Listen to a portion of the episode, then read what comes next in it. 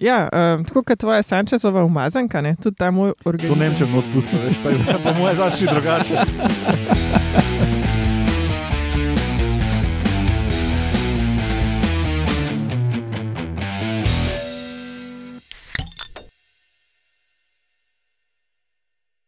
Lepo zdrav, poslušate 123. oddajo Metamorfoza, podcast o biologiji organizmov in to biologijo organizmov. Vam, kot vedno, predstavljamo skozi lahkoten pogovor o pivu, ki ga imamo že tukaj na mizi pred sabo.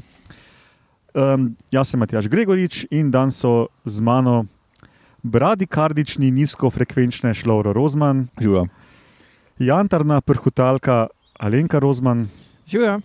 blatoljubni komentator Roman Luštrik Hello. in rilčasta komentatorka Urša Fležar. Zdravo, folk. Živa. Sam jaz mogoče nisem tako prhotalka, kot se bo izkazalo. Pa se je vseeno, si pa jantarna. To pa definitivno. Ja. Kaj, brahikardični ali nekaj tasga. Tako je. Ja. A ni to neki s srcem? ja, je, je, se boš vse zvedel, Roman. A Samo moja. mirno. Nismo, malo se pa še spomnim. Danes imamo na spisku redno oddajo, v kateri bomo v novicah govorili o tem, da so bili pred 70 milijoni let dnevi na Zemlji krajši in ja, to je biološka novica, ali pa vsaj povezana z biologijo, čeprav se gre o Zemlja-Luna sistemu. Pa potem, ali ste vedeli, kako hitro bijajo srca sesalcev in vaški posebneži, nova vrsta dinozaura, ki je velik kot kolibri ali majhen kot kolibri. Um, ja, Metamorfoza podcast ima svojo bazno postajo na medijski mreži Metina, me, medijski mreži Metina Lista. Uh, in preden začnemo, povemo še, kdaj to snemamo. Na današnji dan, leta 1755, se pravi pred natanko 265 leti, se je rodil James Parkinson, angliški zdravnik, apotekar in paleontolog. Um, kot, Apotekar, ja, ja, ker pač ne vem, če lahko farmaceut rečem, ne, verjetno ne morem. Ne lekarnar. lekarnar, ne. okay. Ki, kot lahko uganete, ne, je najbolj znan po opisu bolezni, ki jo danes poznamo kot Parkinsonovo bolezen. Je pa sicer med drugim tudi kakšne druge stvari odkril. Recimo, prvi je um, ugotovil, da nekateri ljudje umrejo zato, ker jim poči slepič. Kar pač takrat niso povezali nekaterih smrti eh, na ta skupni imenovalec. In ni bila več sam jetika, kot vse prej. Ja.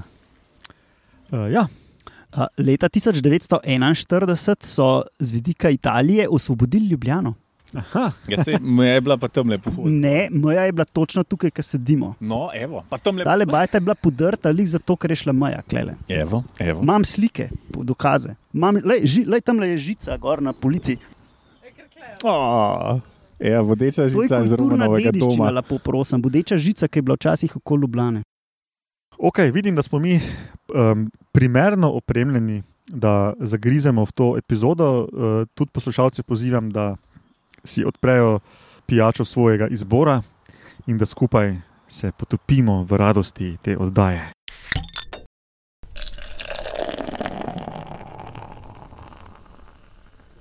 Danes začnemo s temi dnevi in Zemlja, Luna in to. Sistem Zemlja, Luna. Ne vem, če ste vedeli, ampak Luna in Zemlja nista na konstantni razdalji ena od druge. ne. Vedeli smo. No, pa to ne vejo vsi. Ne? Koliko, kako hitro se pa Luna odmika od Zemlje? Tako hiter, kot zemlja od Lune. Bravo. Zaslužil si si pingo sok. Pa, pa verjeten, verjeten ni konstantna hitrost, pa tako naprej. Bravo. Lauro, v tem se skriva catch. Namreč uh, danes se odmika Luna od Zemlje približno 3,82 centi na leto. Mhm. Se premakne v višjo orbito. ne. No, in lahko damo en link, ker um, malo bolj razložijo, zakaj se Luna oddaljuje. Ampak, koliko sem jaz razumel, pa nisem čisto popolno razumel, ko sem si še vzel eno minuto, da sem o tem bral. Ne?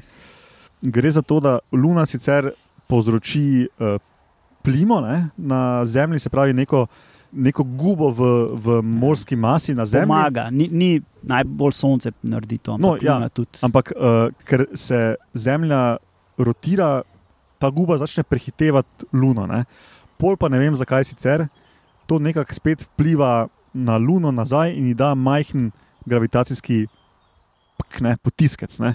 in jo malo prestavi v orbiti. A Se pravi, tak prci da. Prci da, ja. čvrgnejo, bi rekli v Mariboru. Ne? So bile čvorke. to. No, in če vzamemo teh 3,82 cm na leto in to ekstrapoliramo nazaj v času, ne, da pridemo, kdaj pa je Luna bila na razdalji nič, se pravi, da se je odcepljala od Zemlje, bi prišli nazaj v času 1,4 milijarde leta. Ampak Luna ni stara 1,4 milijarde let, ampak 4,5 milijarde let, ne? 4,51. ne. Se pravi, tu je 3 milijarde let, uh, nam striže nekaj, ne? Se pravi, ni linearno. se pravi, ni enakomerno, ne? kot je Laura nakazal prej. Seveda bi bilo fajn, če bi mi vedeli, kako se je pa dolžina dneva spremenjala, ker je verjetno ta rotacija, hitrost rotacije Zemlje vpliva na to, kdaj čvrgne Zemlja Luno, malo in tako.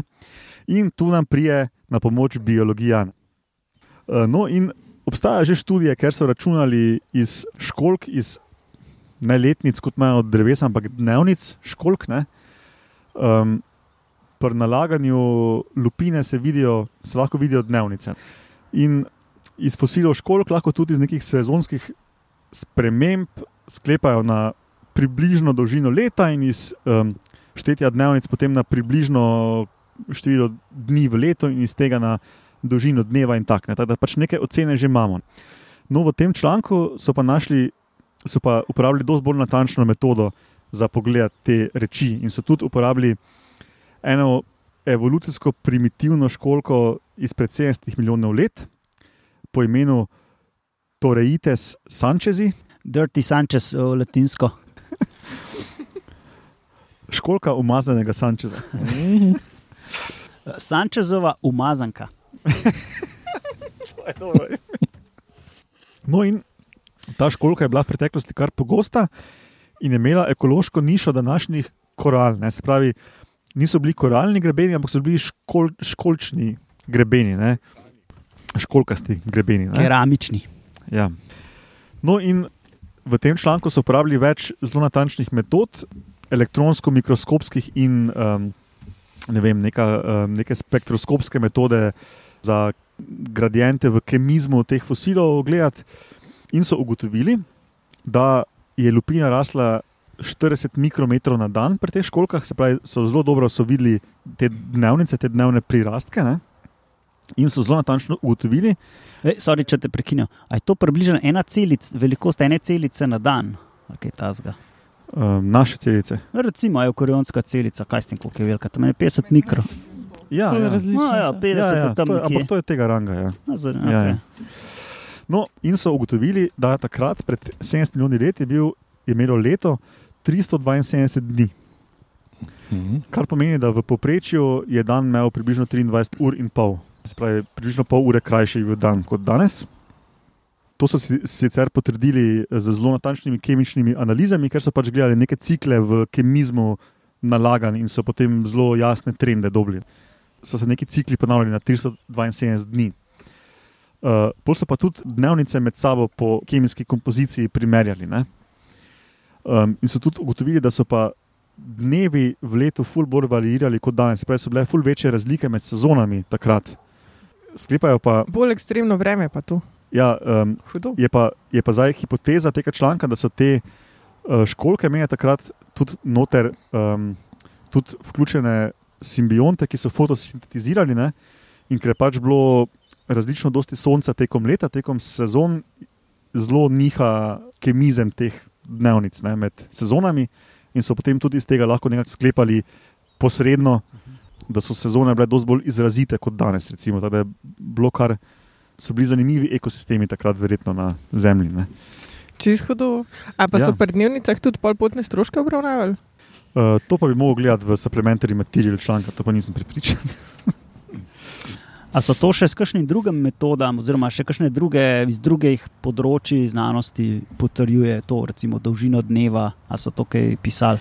Mislim, da se kar sklada z astronomskimi predvidevanji, ampak ne, nisem pa šel zagledati tistih okay. člankov fizikalnih, kakšne metode pa tam uporabljajo, da sklepajo na krajšo dolžino dneva. in tako, No, če nas kakšen fizik posluša, lahko to uh, Ja, malo razloži nam v tem, a ne? ali pa malo komentira. ja. A so v um, članku tudi kaj pisali, recimo, kako je danes pri teh školkah to, ker pač verjetno so se na nekaj mogli zanašati. a Ne, Izumrle so. Ja, te No, školke no, so ampak današnje umrle. školke imajo verjetno tudi neke mehanizme, te dnevnih nalaganj.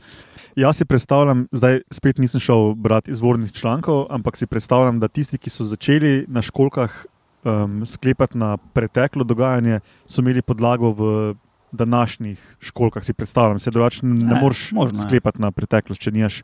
Sam, a si predstavljaš to romantiko, koliko je bila takrat velika luna? Ne? Videti zemlje, velika luna. Ja, še Ja. bolj si spoznal ga zajčka noter. Ne? Takrat še ni bilo zajčkov. A ni še bilo zajčka. Ne, Zasavca še ni bilo takih obliki. Ja, Hudič. Ja. Ja. A so to študijo delali z neko idejo, da bi že preverjali na tak način te astronomsko-fizikalne spremembe, ali so to slučajno ugotovili? Ja, ker so v bistvu so razvijali metodo. Ne? V bistvu so zdaj razvili metodo, uh, ki jo lahko potem še na drugih fosilih uporabijo in probajo validirati njihove podatke. Ne? Pač tako znanost dela. Večkrat, ko Ja. na ločenih fosilih to potrdiš, bolj, bolj jasno je pa, fosili so različne starosti, lahko dobiš neko stopnjo spreminjanja dolžine dneva, tudi potem v času. Ne, A je to kakšna posebna veja, mogoče te mm, paleontologije ali kako se reče ne temu? vem, to je po moje bolj Astrofizikalna biologija. ja. Jaz sem še hkrati pa fosili, pa biologija. Mislim, to, to je meni čisto tako zelo interdisciplinarno. Danes se no. znanosti ful mešajo. Ne? Recimo, kaj sem kako leto nazaj, dobro smo imeli ono, ono raziskavo, ko je Loreta navdušila, da pajki za spremembo elektromagnetnega polja Zemlje vzletijo v zrak. Ne? Tisto prva avtorica je matematičarka, recimo. Se pač Danes je dosti konceptov bioloških, v bistvu ful primernih za kakšne druge veje, ki se, seveda sodelujejo z biologom, da to pravilno umestiš v kontekst, ampak marsikaj presega naše biološko znanje. ne. Definitivno. Ja. No, dobro, ok, te pa gremo kar na ali ste vedeli.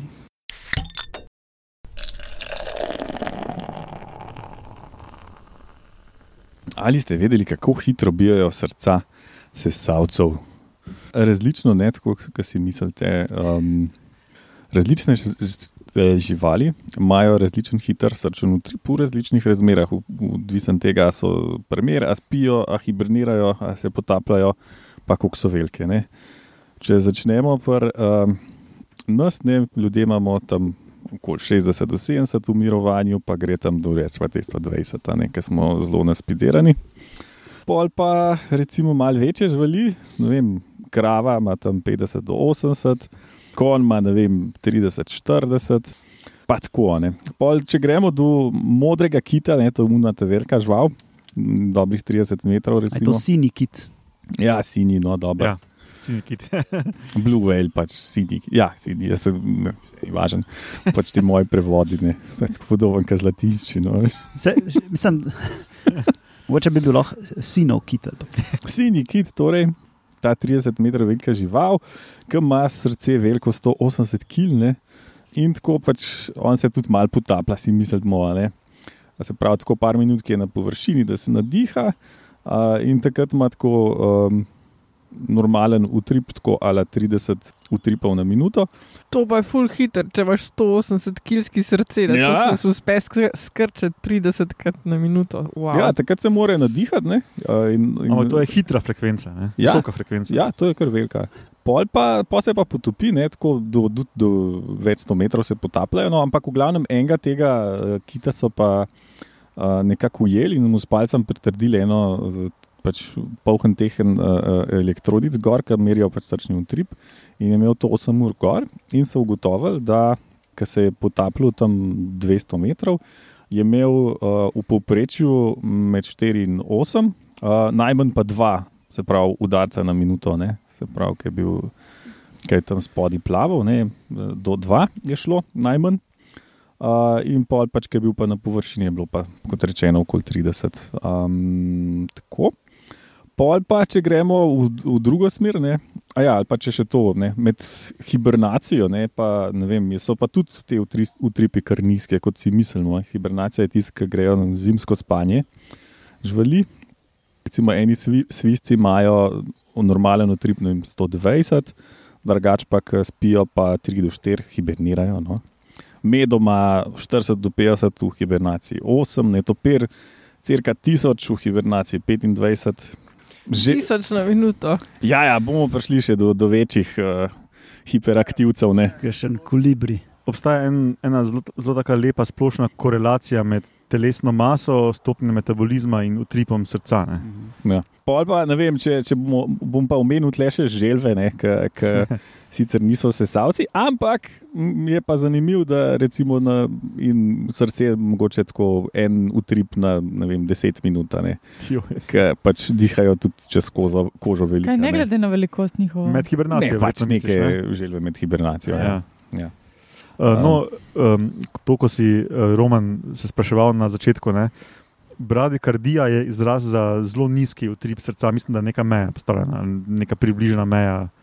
In um, ta, ali ste vedeli, sem dal zato, ker je zdaj bil ta članek pred kratkim, ne mesec, mesec pol nazaj, so pač prvič sploh zmerili sinjemu hitu, ki je pač največja žival. Ne, in se mi je to zdaj fajn čas, da se o tem pogovarjamo.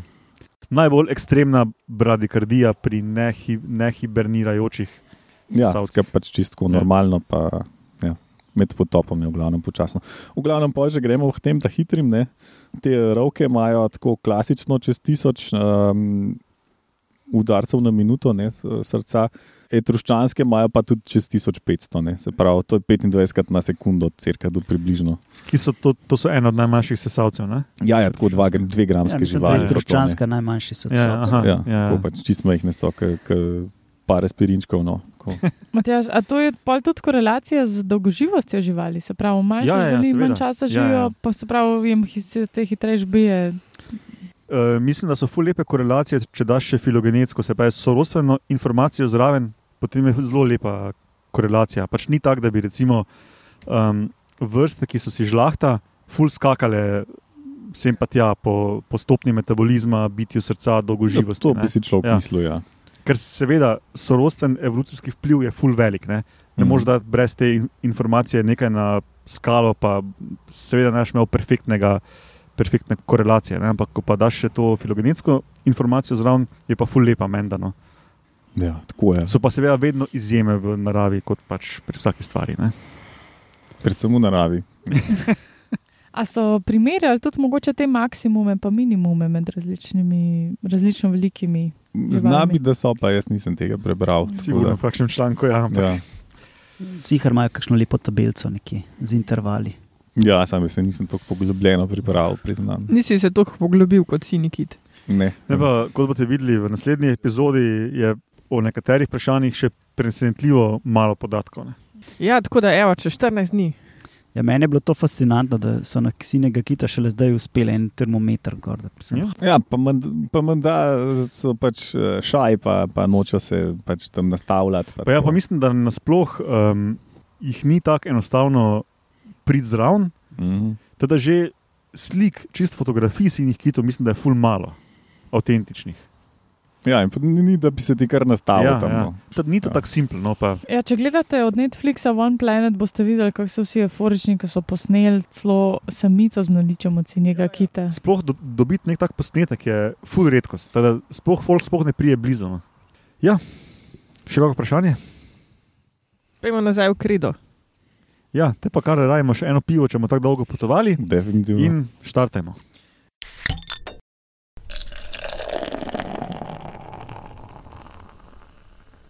Ja, um, tako kot tvoja Sančezova umazanka, ne? tudi ta moj organizem. To ne vem, če bom odpustil, veš, tako da po mojem začne drugače. Tako kot une školke, ki so iz njih ugotovili, da je bila včasih luna bližji ali dan krajši ali oboje. Je bila tudi iz krede, obdobja krede, ne? tako je tudi ta moj organizem iz obdobja krede. Mal starejši je, 99 milijonov let ima.